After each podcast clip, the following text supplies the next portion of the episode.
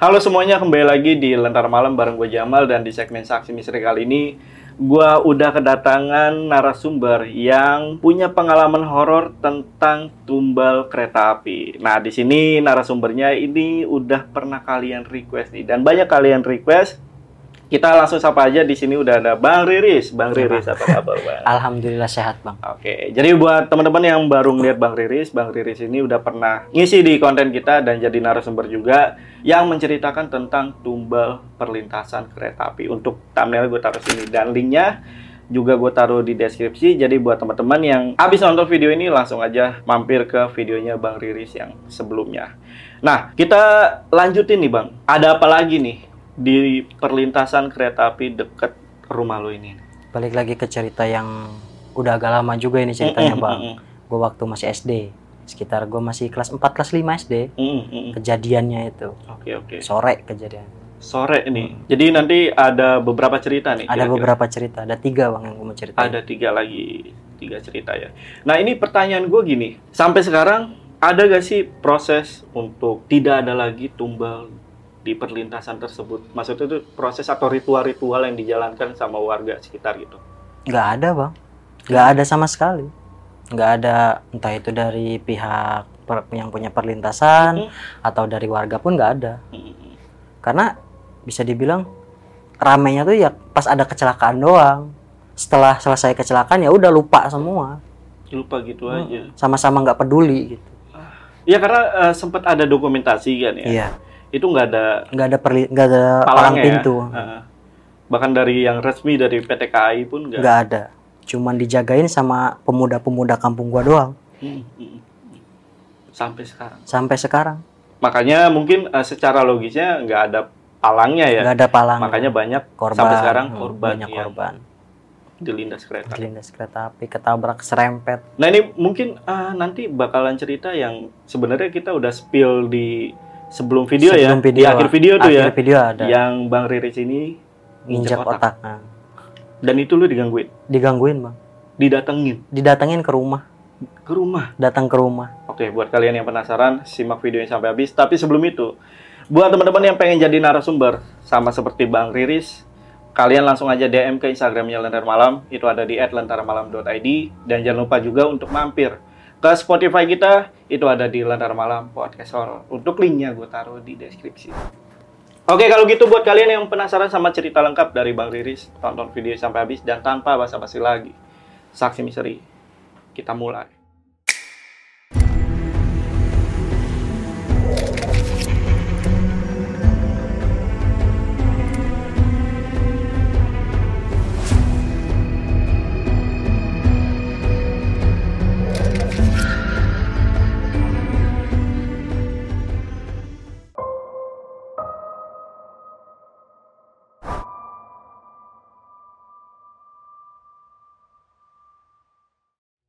Jadi kejadian yang ini bang, kejadian itu udah lumayan lama juga. Mm-mm. Sekitaran gue masih kelas 4 atau kelas 5 SD lah.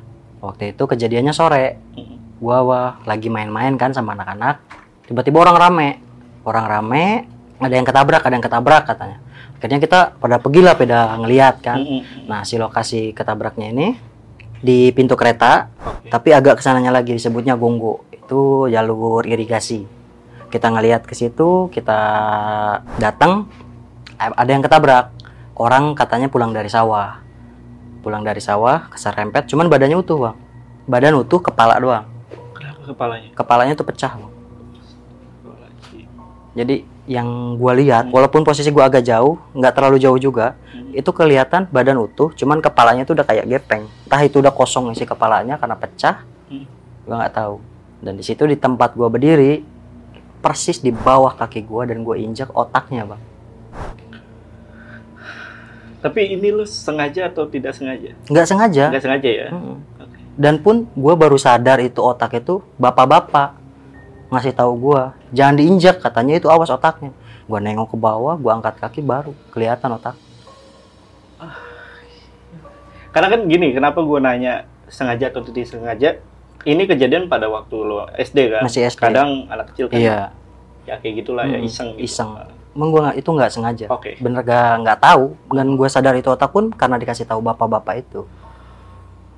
Oke, lanjut. dari situ gua pindah di posisi gua ngelihat itu pindah gua agak maju dan di sepanjang jalan yang gua lewatin itu Hmm. itu ada entah itu daging atau darah kental ada segede-gede gini kan bercecer di situ tuh gue nyari pijakan yang kiranya gua nggak nginjek apa-apa gitu. Yang gua ingat udah aman nih gue berdiri di situ gue ngeliat gue merhatiin terus ke si jenazah itu. Gak lama gue pulang gue pulang itu habis kejadian itu nggak ada teror apa-apa nggak ada gentayangan apa-apa. Beberapa hari itu tenang-tenang aja. Cuman ya kayak sebelumnya tiap ada yang ketabrak pasti sepi. Belum ada yang bilang ini gentayangan ini gentayangan belum. Nah itu udah sekitar tiga atau empat harian lah jedanya itu. Udah mulai ada yang ngomong katanya. Ada yang ngeliat katanya di pintu rel lagi berdiri katanya. cuman itu gue juga nggak tahu karena kan nggak ngeliat langsung kan. Cuman udah mulai geger tuh ada yang ngeliat di pintu rel ada yang di irigasi ada yang di tempat posisi dia ketabrak itu berdiri di situ. Dan pengalaman yang gue alamin itu selama gue pakai sendal yang bekas nginjak si otak itu Heeh. gue tuh selalu jatuh bang. Kesan entah itu pokoknya kayak kesandung kepleset tapi nggak jelas kesandungnya kesandung apa keplesetnya kepleset apa tuh nggak jelas. Tapi yang pasti tiap gue pakai sendal itu gue pasti jatuh terus. Jadi gue kan punya sendal dua. Yang satu yang buat nginjek itu sendalnya sendal Egar KW bang. Sendal sendal KW kayak gitu. Yang satunya sendal sendal jepit biasa kalau pakai yang sendal jepit yang nggak pakai nginjek otak itu gue main normal seharian. Jangankan jatuh sandung pun enggak gitu. Mm, mm. aman aja. Tapi kalau gue pakai sendal yang satunya pasti tiap main jatuh lah kepleset lah segala macam. Sampai banyak luka di kaki di tangan dengkul karena sering jatuh itu. Akhirnya puncaknya itu gua jatuh kaki sebelah kiri ini cowak bang. Cowak itu kayak lecet cuman dalam lecetnya itu. Oke. Segede gini. Pulang gue pincang diomelin lah sama orang tua kan. Kenapa lu? Katanya. Kamu makanya jangan main terus bukan main terus gue ceritain bang. Ini kalau pakai sendal ini tuh jatuh terus katanya. Jangan nyalain sendal kamunya aja yang badung kata orang tua. Enggak soalnya sendal ini tuh dipakai bekas nginjek otak yang ketabrak kemarin. Heeh. gue ceritain gitu. Akhirnya ibu gue kaget langsung dibawa ke almarhum mamang gue bang. Almarhum mamang gue dibawa ke bawah sana ternyata kaki gue ini dipegangin terus sama si almarhum. Hah? iya. Jadi si kaki gue tuh kalau pakai sendal itu almarhum tuh megangin terus. Jadi gue sengaja dibikin jatuh dibikin jatuh terus. Bikin jatuh kepleset. Akhirnya diobatin suruh dibuang sendalnya. Suruh dibuang karena gue pulang dari tempat gua malam udahlah gue buangnya itu besok pas mau berangkat sekolah. Itu pas mau gue buang kan gue jingjing bang ada yang kalau sendal-sendal KW kan cepet banget copot lemnya kan? Iya, iya. itu ada lepas gue lihat bang di dalam tuh ada hitam-hitam hitam-hitam segede gini. Gue colek-colek pakai kayu itu entah itu otaknya entah itu daging di dalam sendal itu. Masih kesisa ya. masih kesisa di situ. Ternyata mungkin pas gua nginjek itu atau mungkin pas gua lagi nyari jalan biar nggak nginjek apa-apa si daging itu atau otak itu masuk dari situ gua baru ngeh gue cerita ke ibu gua ternyata mungkin dia megangnya itu karena organnya itu ada di sendal gua Iya, iya.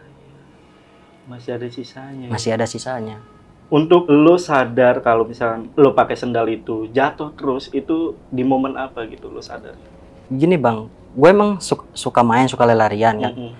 itu tapi sehari itu gue bisa jatuh sampai 3-4 kali bang Ih. pakai sendal itu seperti yang gue bilang tadi kaki tangan tuh banyak luka bang banyak banget luka Kaki lo bopengan lo. bopeng banyak korengnya di bekas korengnya Budukan. bekas koreng banyak Bang. eh, eh. waktu kecil itu karena yang sering jatuh itu dan itu pun kalau gua ke sawah ya kan waktu itu kan lagi musim kemarau Mm-mm. kalau kepleset kepleset apa sedangkan sawah itu lumpurnya itu lagi kering keringnya jadi nggak masuk akal lah lah jatuh jatuhnya itu Lo sempet disalahin gak sih sama beberapa warga yang mencoba untuk evakuasi jasad si bapak ini? sempat sempat diomelin Sempet diomelin. sempat diomelin Karena sorry ya maaf ya, ini otaknya jadi hancur atau benyek dong. emang otaknya tuh udah hancur bang jadi nggak nggak utuh bentuk otak bang Ah. cuman ada segede segede gini lah Udah kepisah-pisah gitu ya. Oh, udah kepisah-pisah pecah gitu. Oke paham. Setelah lo buang, ada kejadian lagi? udah gua buang itu kan gua udah tuh nggak jatuh-jatuh lagi udah dua hari dari gua buang maghrib gua kan biasanya ngaji bang cuman hari itu gua pura-pura sakit perut malas. Gua nggak mau ngaji. Gue di rumah lah. Bala bilang sama gue gue ntar besok aja ngajinya lagi gak Hmm. enak badan lagi sakit perut gue bilang. Udahlah gue nggak ngaji tuh maghrib itu tuh. Gue nggak pergi pergi ngaji. Namanya nggak ada temen jenuh kan bang? Mm-mm. gua nonton TV bolak-balik ya apa apa aja dimainin yang namanya bocah kan. Dan gua pengen lihat keluar tuh pengen lihat udah pada pulang belum? Teman-teman gua tuh gue pengen main keluar. Gua lihat ke kaca itu si almarhum itu kenapa gue bisa nyebut almarhum? Gua inget bentuk badannya gua inget kepalanya pelontos Bang. berdiri persis depan rumah gua depan pintu. Dia berdiri di situ cuman dia ngebelakangin. Gue lihat terus gue tutup lagi. Gue panggil ibu gua nih di depan ada orang. Ibu gue udah cuning. Pasti bukan orang yang ini ini katakan. Karena ngelihat muka gua aja udah kelihatan kan. Memang waktu kecil tuh gue penakut banget bang. Dan gue bisa bener-bener ngebedain mana orang mana bukan gitu. Mm-mm. jadi ibu gue udah ayo diem diem. Dibawalah ke kamar tengah gue di kamar tengah. Sampai udah mau dekat isya kita baru keluar. Ibu gue duluan bukain jendela. Udah ada orang banyak lalu lalang kita baru keluar. Si kejadian yang ketabrak ini yang otaknya sampai ke bawah itu. Iya. itu pun gue masih sampai sekarang masih nggak tahu bang itu otak apa daging. Karena udah lama udah kering gitu. Oh yang di sisa di sisa sendal, itu. Ah, gue juga nggak tahu itu daging kah atau otak gue juga nggak tahu itu apa yang pasti itu bagian dari kayak daging itu udah kering udah hitam. udah hitam Untuk penyelesaiannya gimana tuh? selesai udah gitu doang Oke. Hmm. Nggak ada pengobatan apa apa ya? nggak ada kan udah yang diobatin sama mama iya, itu Iya. Oke.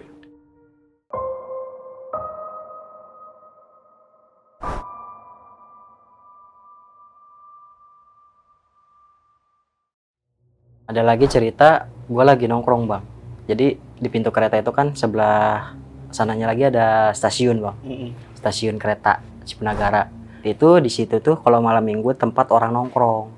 Banyak yang pacaran lain sebagainya kan karena situ remang-remang bang. Gelap. Orang tuh banyak bang kalau malam minggu di situ rame. Dilalah kita lagi mau main cuman nggak ada punya ide mau main ke mana kan. Mm-mm. kita mainlah ke apa ke peron itu. Kita nongkrong di situ 8 orang jumlahnya bang. Nongkrong nongkrong nongkrong sampai jam 9 gua tuh ngantuk banget bang. Minta pulang. Gue pengen pulang ya gue pulang duluan. Karena dari peron itu ke rumah gue paling 200 meter gue jalan pun bisa gitu. Nggak usah dianterin. Mana anak-anak bilang tanggung lah masa jam 9 udah pulang katanya. Ntar jam 10 udahlah karena nggak enak kan gue turutin anak-anak tuh sampai jam 10 sekitar jam setengah 10 teman gua tuh berdua pergi. Dia bilang gue beli rokok dulu ya katanya sama kopi katanya udah habis kan kopinya sama rokoknya. Sebenarnya di situ ada warung juga bang ada warung di si stasiun itu tuh di bawah stasiunnya persis tuh ada warung. Cuman rokok yang kita pengen itu nggak ada di situ. Jadi dia pergi pakai motor kan. Setelah dia pergi nggak lama kita lagi ngobrol-ngobrol gua lagi gua nengok gua kan kalau ngobrol gua nggak bisa diem gini aja kan kalau lagi nongkrong. Gua cangak celengok di belakang teman gua itu ada orang bang. Mhm. jadi nambah satu orang. Kita kan nongkrong delapan Iya. ya kan? Dua pagi harusnya enam kan itu gua lihat di situ nambah satu orang. Di situ emang gelap pak. Gelap tapi segelapnya di situ kita masih bisa lihat orang. Masih bisa ngelihat gitu muka teman sama orang di sekitar kita itu. Tapi untuk satu orang ini gua nggak sama sekali bisa ngelihat mukanya. Burem atau gimana? kayak buram aja gelap gitu. Kayak gelap aja gua nggak bisa ngelihat mukanya. Dia persis duduk di di sebelah kiri di belakang teman gua. Hmm. dia duduk di situ. Gue nanya ke teman gue samping gue namanya Jaka. Jak takutnya ada yang ngajak teman kan? Tadi di sini kita berapa orang? Delapan. Nggak ada yang ngajak teman yang lain. Nggak ada kata dia. Ada apaan sih? Nggak. Gue nanya lagi bener delapan? Iya. Dia cuning tuh ngelihat muka gue kayak gitu nanya kayak gitu. Ada apa Riz? katanya. Gue jawab masih jawab tuh enggak dia celang celinguk bang. Nah di sini di peron itu kan di bawahnya ada rumah kosong. Hmm. dia cuningnya gua ngelihat setan di rumah kosong padahal di situ udah jelas gua nanya kan di sini kita berapa orang Iya, kan. iya. dia malah cuningnya tuh yang di rumah kosong sangkainnya di rumah kosong. Gue bilang bukan di sini. Terus dia ny- nyari bang. Nyari di mana di mana? Gue udah nggak banyak ngomong tuh. Akhirnya lihat gelagat gua berdua masih Jaka yang lain pun nanya ada apaan sih? katanya. Hmm. bisik-bisik mulu berdua katanya. Gue minta pindah bang. Pindah yuk duduknya jangan di sini. Mana tuh depan stasiun anak-anak bilang jangan di depan stasiun. Takut yang dua nyangkain kita pulang. Akhirnya kita pindah geser. Cuman beberapa meter depan genset bang. Depan genset itu itu terang di situ. Di depan genset itu terang kita duduk di situ gue baru ngomong lah. Dan itu pindah ke situ kita jumlahnya enam. Jumlahnya jadi enam juga. Iya, iya. Padahal tadi pas duduk itu bener bang. Selama gua ngobrol sama si Jaka, gua sikut-sikutan gini sama si Jaka ngobrol, itu dia masih di situ terus, nggak ngilang-ngilang. Tapi pas kita pindah bangun, dan itu bener gua nggak nggak ngelihat dia bangun atau enggaknya. Gua nggak ngelihat sama sekali dia bangun kah, dia pindah ke mana, gua nggak tahu. Yang pasti pas udah di deket genset itu udah terang, gua peri- gua hitung ada enam. Jumlahnya kembali normal 6. Yang tadinya tujuh orang nambah satu gitu kan. Karena yang dua lagi Yang dua lagi lu masih di warung. masih ya? di warung nyari Mhm. rokok. Akhirnya gue cerita di situ, anak-anak pada nggak percaya, sangkain gue bohong. Akhirnya si Jaka juga ikut nimbrung. Iya katanya bener. Orang tadi kelihatan banget kok mukanya katanya orang ketakutan kan. Udah bentar dah kita pindah katanya kan. Pindah nunggu si dua orang datang ini dulu. Takutnya kita pindah dia nggak tahu sangkain kita pulang gitu kan. Dia udah datang kita pindah lah. Nah itu kita pindah nggak jauh ke stasiunnya, ke arah stasiun, tapi bukan di depan tapi di, di belakang stasiunnya tempat orang mau kayak penumpang kayak mau naik tuh di Hmm. belakang lewat situ ada tangga nah kita di tangga situ bang kita lagi nongkrong di tangga situ ini ada base besan gue duduk, duduk di tengah sini gue celak masih kayak semula gue celangak selingkuh celangak selingkuh ngelihat ke arah genset itu nah si genset ini yang belakangnya tuh kan emang agak gelap bang karena udah mau turunan gitu kan Nah untuk info aja si genset ini posisinya di atas bang di peron ini kan. Nah di sini tuh nggak ada tanah bang. Jadi dia bentuknya gini. Oke. Jadi otomatis ini tuh kayak panggung si belakang genset ini kayak panggung berdiri gini. Gua ngelihat ada orang berdiri. Orang berdiri di luar pagar genset itu. Dan secara logika siapa yang bisa berdiri di situ? Sedangkan di situ nggak ada pijakan apa pun. Berarti kayak ngambang gitu. kayak ngambang kayak ngambang deh karena dia nggak megang apa pun karena dia berdiri lurus lurus berdiri lurus gua lihat gua nunduk lagi gua ngelihat lagi masih ada gua nunduk lagi nanya lah temen gua ada apaan? Yang berdiri gua bilang di situ. Kenapa sih? Katanya ada ada apaan lagi? Katanya kata temen gua ya si Jaka itu. Tuh gua ngeliat ngelihat ada orang berdiri gua bilang di situ. Yang dua ini kan kita nggak ceritain bang. Nggak kita ceritain apa-apa. Jadi dia nggak tahu. Akhirnya dia nanya sih ada apa sih? Ada apa sih? Gue ceritain ah lu bohong lu katanya.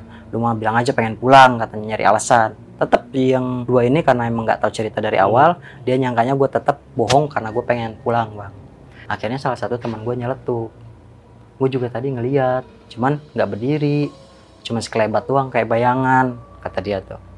Cuman gue nyangkanya itu dia bukan yang kayak begituan. Orang pacaran mau pulang bayangannya ke apa senter lampu. Cuman emang lihat sih gue juga tanya ada lewat? Udah yuk pulang. Pulang lah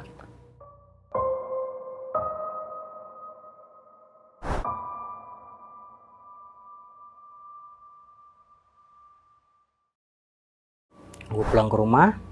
Sempat nongkrong juga di situ di rumah di rumah. Cuman nggak lama nongkrong di situ. Bentar habis kita nongkrong bubar gue masuk ke rumah gue bersih bersih cuci muka segala macam gue masuk kamar. Mau tidur. Udah dekat-dekat mau tidur udah lagi merem-merem ayam ada yang manggil Riz. Gue bangun kan siapa ini? Ini orang rumah kakak gue apa siapa? Gitu kan. Cuman itu cuma sekali doang manggilnya nggak ada suara apa-apa lagi. Udah gue tidur tuh. Gue mau tidur lagi. Balik lagi mau ke merem-merem ayam manggil lagi. Dua kali. Riz Riz. Gue bangun kan gue lihat gue nyari gitu siapa. Terus gue buka jendela jendela kamar gue itu gue buka nggak ada orang. Sambil gue mau tidur lagi gue teriak. Bukan teriak sih ngomong cuman agak kencang. Berisik gue bilang gitu. Pas abis ngomong gitu gue baru mau tidur kaca. Kayak ada yang mukul kencang Brak! itu dari kasur gue loncat ke gue loncat berdiri langsung ke tengah rumah. Kaget. kaget. Hmm. karena ada yang mukul kaca itu. Gua keluar di tengah rumah itu bapak gua keluar nggak lama. Ada apaan sih? Itu tadi ada yang mukul kaca. Kaca di rumah di kamar gua tuh kan kaca zaman dulu itu bang ya? Yang sekatan kotak-kotak segini-segini tuh Iya. yang pakai besi. Jadi itu kalau dipukul kan kenceng itu suaranya. Karena ngadu sama besi kan. Ada yang mukul kaca. Bapak gua keluar nyari. Nggak ada nggak ada apa-apa. Udah katanya nggak ada apa-apa udah nggak apa-apa tidur aja tidur. Nah gua tidur itu di luar di tengah rumah nggak masuk kamar gua Hmm. karena gue takut gitu. Hmm. karena nah takutnya ada yang manggil lagi atau dipukul lagi kacanya gue tidur di tengah rumah. Udah gue tidur bangun udah kayak biasa itu. Selang tiga hari saudara gue ada yang hajatan bang. Gue ngantar orang tua gue gue datang ke sana ketemu sama mamang gue ketemu sama mamang yang udah almarhum yang gue ceritain tadi. Iya. Sama mamang nanya habis dari mana sih Riz? katanya. Kirain pertanyaan basa-basi kan. "Ih, ini ngantar mie enggak sebelumnya habis dari mana? katanya. Ini habis main paling juga bilang gitu kan. Karena gue masih belum apa masih belum enggak dia tuh nanya apa maksudnya Iya, itu apa gitu kan. Habis main enggak berapa hari ke belakang main ke mana? katanya. Oh waktu malam minggu nongkrong di mana? Peron sini kata. Usap ini bang itu diusap gini doang badan gue merinding semua. Tiba-tiba ngerasa merinding. merinding semua tiba-tiba merinding. Ada apa sih mang? Udah katanya. Makanya kalau main tuh jangan malam-malam terus katanya. Udah tungguin di sini. Mamang gua ke belakang ngambil air kendi. Di daerah gua tuh ada pandaringan bang tempat naruh beras. Hmm. itu tuh ada kendi ada airnya bang. Nah, dia ngambil air dari situ "Ayo minum katanya. Gue minum terus gue cuci mukain ada apa sih? Baru dia bilang ada yang ngikutin katanya. Pantesan mungkin yang gue gue ingat itu yang kejadian gue diganggu di kamar itu Iya. mungkin ya ngikut sampai hari itu juga sampai di ini sama mang gua Hmm. cuman selama tiga hari itu nggak ada sesuatu yang signifikan bang jadi nggak ada kayak gangguan apa segala macam nggak gua nggak ngerasain apa apa tiga hari itu tuh kecuali yang digangguin pas hari kejadian itu Iya, iya. jadi pas itu udah dibilang mungkin dinetralisir apa segala macam ya gue tetap biasa aja yang gua rasa cuma pertama itu pas diusap badan gue itu merinding doang udah. Nggak ada lagi. Tapi setelah itu nggak ada kejadian lagi. nggak ada nggak ada kejadian apa apa lagi. Nanya gak sama Mamang, nanya. Ini sosok apa gitu? gue nanya. Nanya gue bilang kan apa sih ini? Udah pokoknya dia ngikut. Jadi mamang gue tuh kayak waktu kejadian sendal pun dia nggak ngasih tahu di sendal gue ada apa. Iya. dia cuma nyuruh gue dibus nyuruh buang doang. Ini pun dia cuma bilang udah katanya yang penting sekarang udah nggak di situ lagi katanya. Udah nggak ngikut lagi. Lain kali kalau main jangan terlalu malam. Ya udah gue nurut lah. Udah udah. Jadi mamang gue tuh kalau apa apa nggak pernah diceritain dikasih tahu detailnya bang. Hmm. cuma dikasih tahu intinya doang. Harus gini harus gini udah. Itu doang. Ini kejadian tahun berapa yang ini? yang gua diikutin ini. Hmm. SMP bang. SMP yang? SMP kelas 2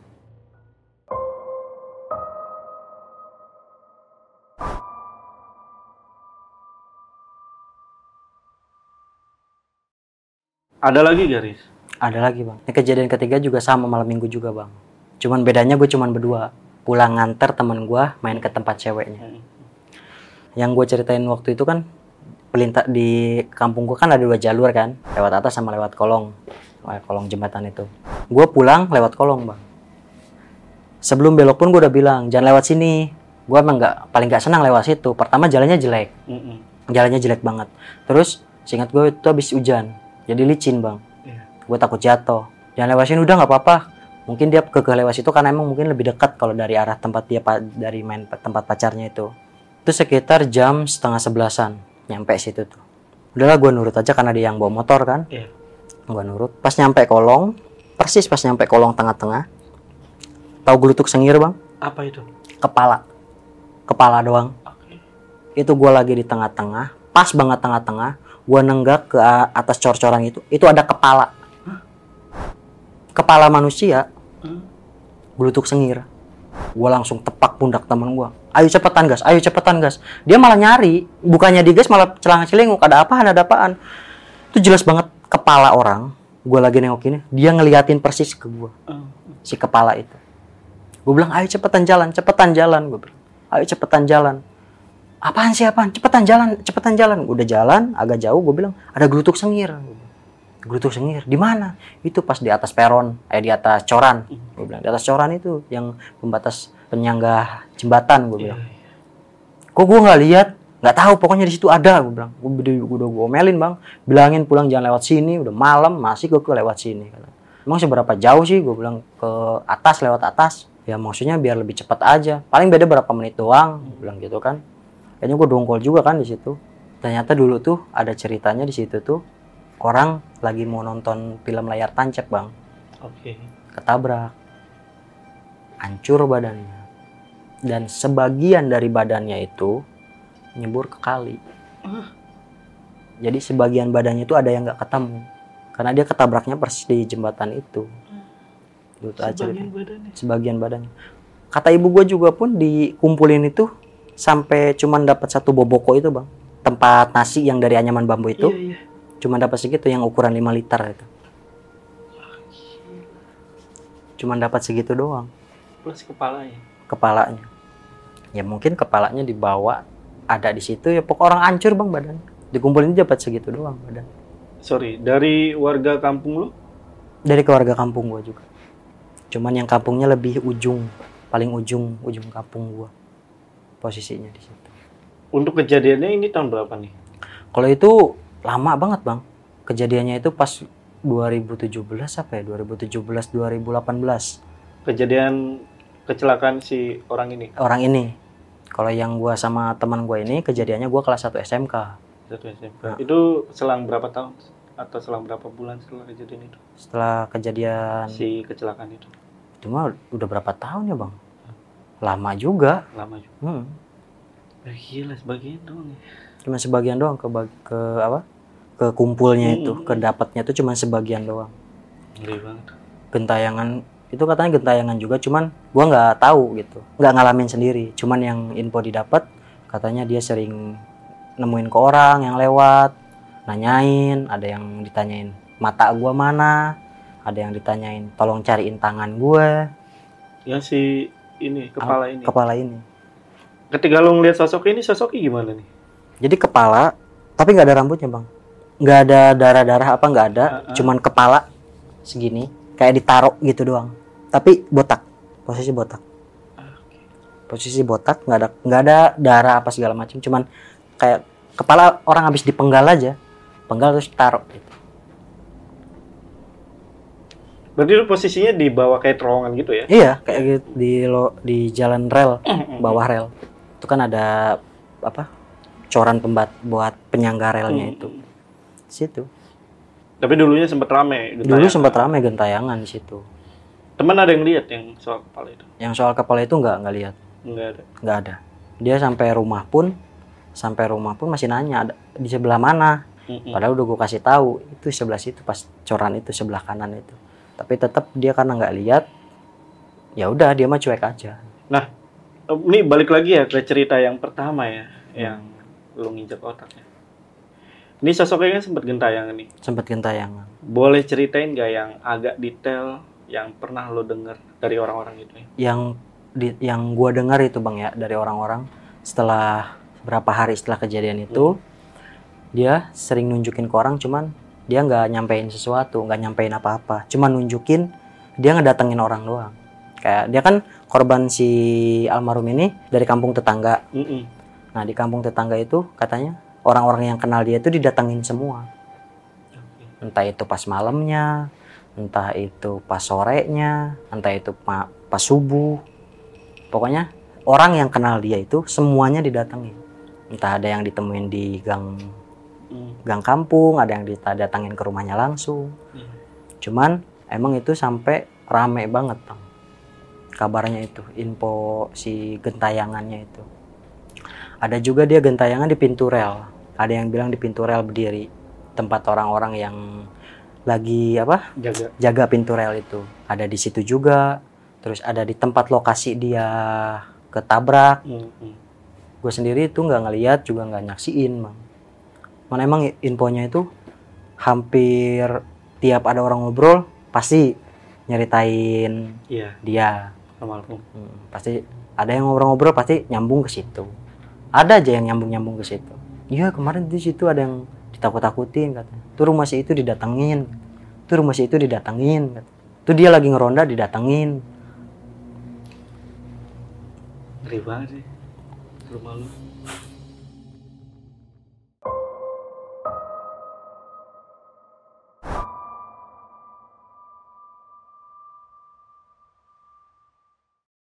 Ada lagi bang yang gue dapat kabar dari orang-orang gitu kan.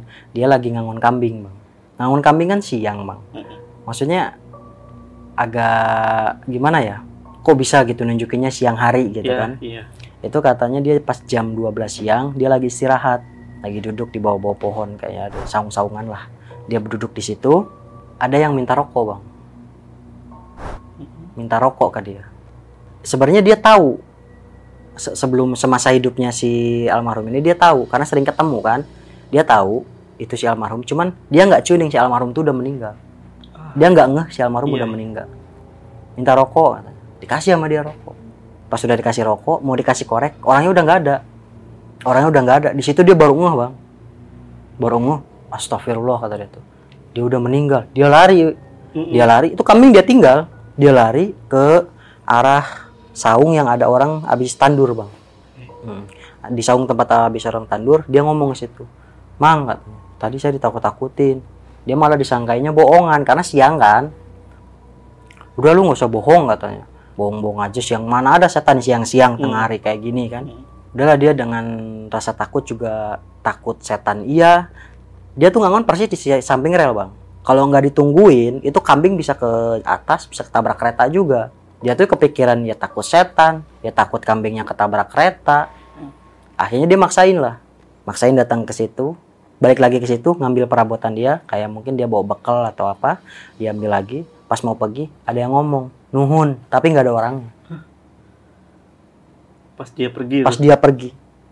Itu pas ada yang ngomong itu dia langsung tinggal ke arah pintu kereta api. Hmm. dia langsung pulang itu kambing malah dijemputnya sama bokapnya sama bapaknya. Padahal bapaknya udah tua itu suruh ngambil kambing. Untungnya kambingnya nggak kabur ya. untungnya nggak kabur. Karena emang kalau ngangun di situ kabur pun bakal ketemu bang. Karena jalur cuman berapa meter gitu kan. Hmm. nggak bakal bisa ke sana sana Wah, karena sebelah sininya di halang apa irigasi selokan. Eh, tempat jalur air di atasnya kereta. Ya paling banter-banter kalau hilang ya ketabrak kereta gitu. Iya, iya. Kemarin sih lu udah sempet bilang ya kalau memang ada kejadian lagi Nah, yang ketabrak di sana ya.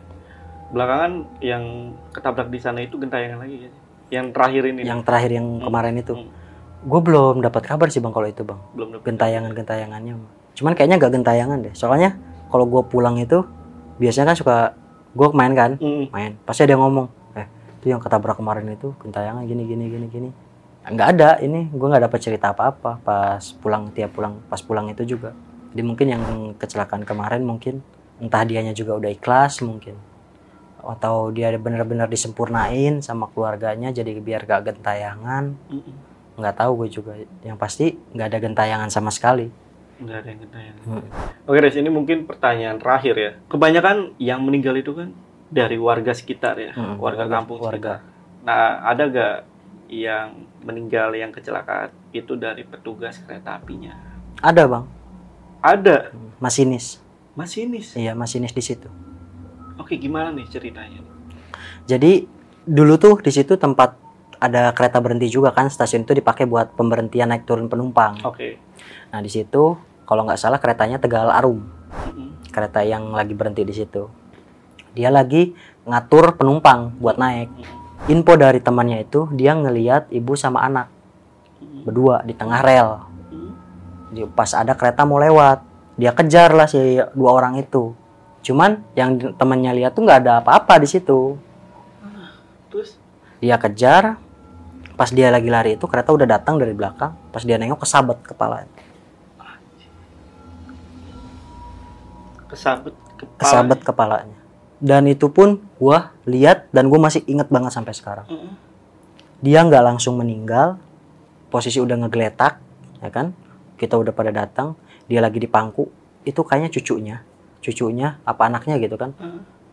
dia terus manggil-manggil nama salah satu anaknya. Masih hidup.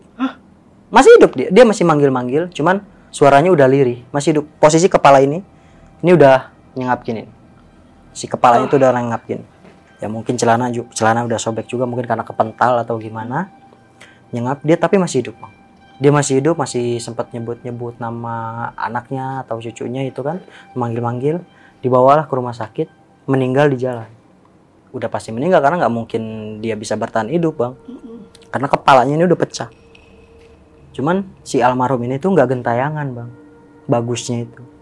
Almarhum ini nggak gentayangan sama sekali Sama sekali. sama sekali nggak ada kabar dia gentayangan atau nakut-nakutin tuh nggak ada Di stasiun itu pun. di stasiun itu pun nggak ada Gila, seperti hidup ya. sempat hidup dia karena cuman bisa dibilang cuman keserempet bang Mm-mm. serempet kan di samping-samping kereta tuh kayak ada mungkin sekat itu yang kayak besi di pinggir-pinggirnya. Mungkin entah ya kesabet itu atau mungkin kesabet ujung gerbong. Itu posisi lu lagi ngapain? Itu gue baru pulang sekolah bang, baru pulang. baru pulang sekolah. Orang ramai pada lari kan, gue lo, gue ikut ikut lari juga, ikut ngeliat juga. Udah tau lagi di pangku sama cucunya. Lagi di pangku sama cucunya atau anaknya itu kan. Terus manggil-manggil namanya, terus dibawa lah datang ambulan dibawa. Dan gue ng- ngeliat bener-bener ngeliat jelas gitu. Kondisi kepalanya ini nyengapnya gue ngeliat, darah ngalir keluar ngeliat, Udah hancur sih. udah hancur, kepala udah hancur. Dan pas jenazah datang pun, jenazah datang pun ternyata ininya pun kayaknya pecah bang, karena ini pun dijahit. Di tengah ini pun ada mungkin pecah atau gimana. Heeh.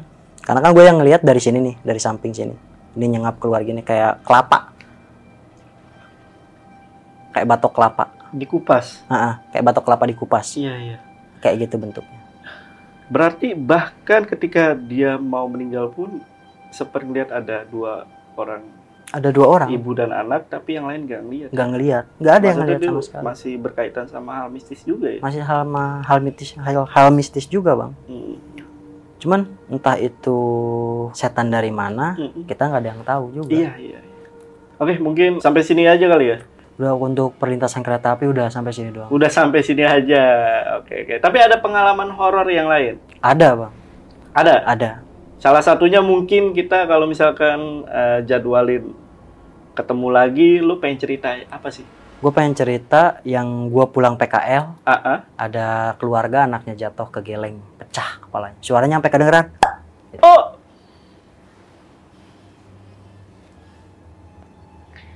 Terus Terus tempat gua kerja, salah satu karyawannya jatuh dari lantai dua, si tulangnya itu tulang kakinya itu keluar gini. cerita lu ngeri-ngeri banget sih, bang.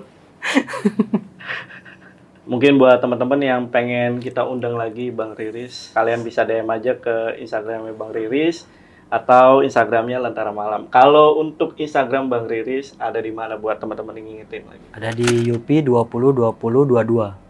Yupi, oke Yupi, mantap.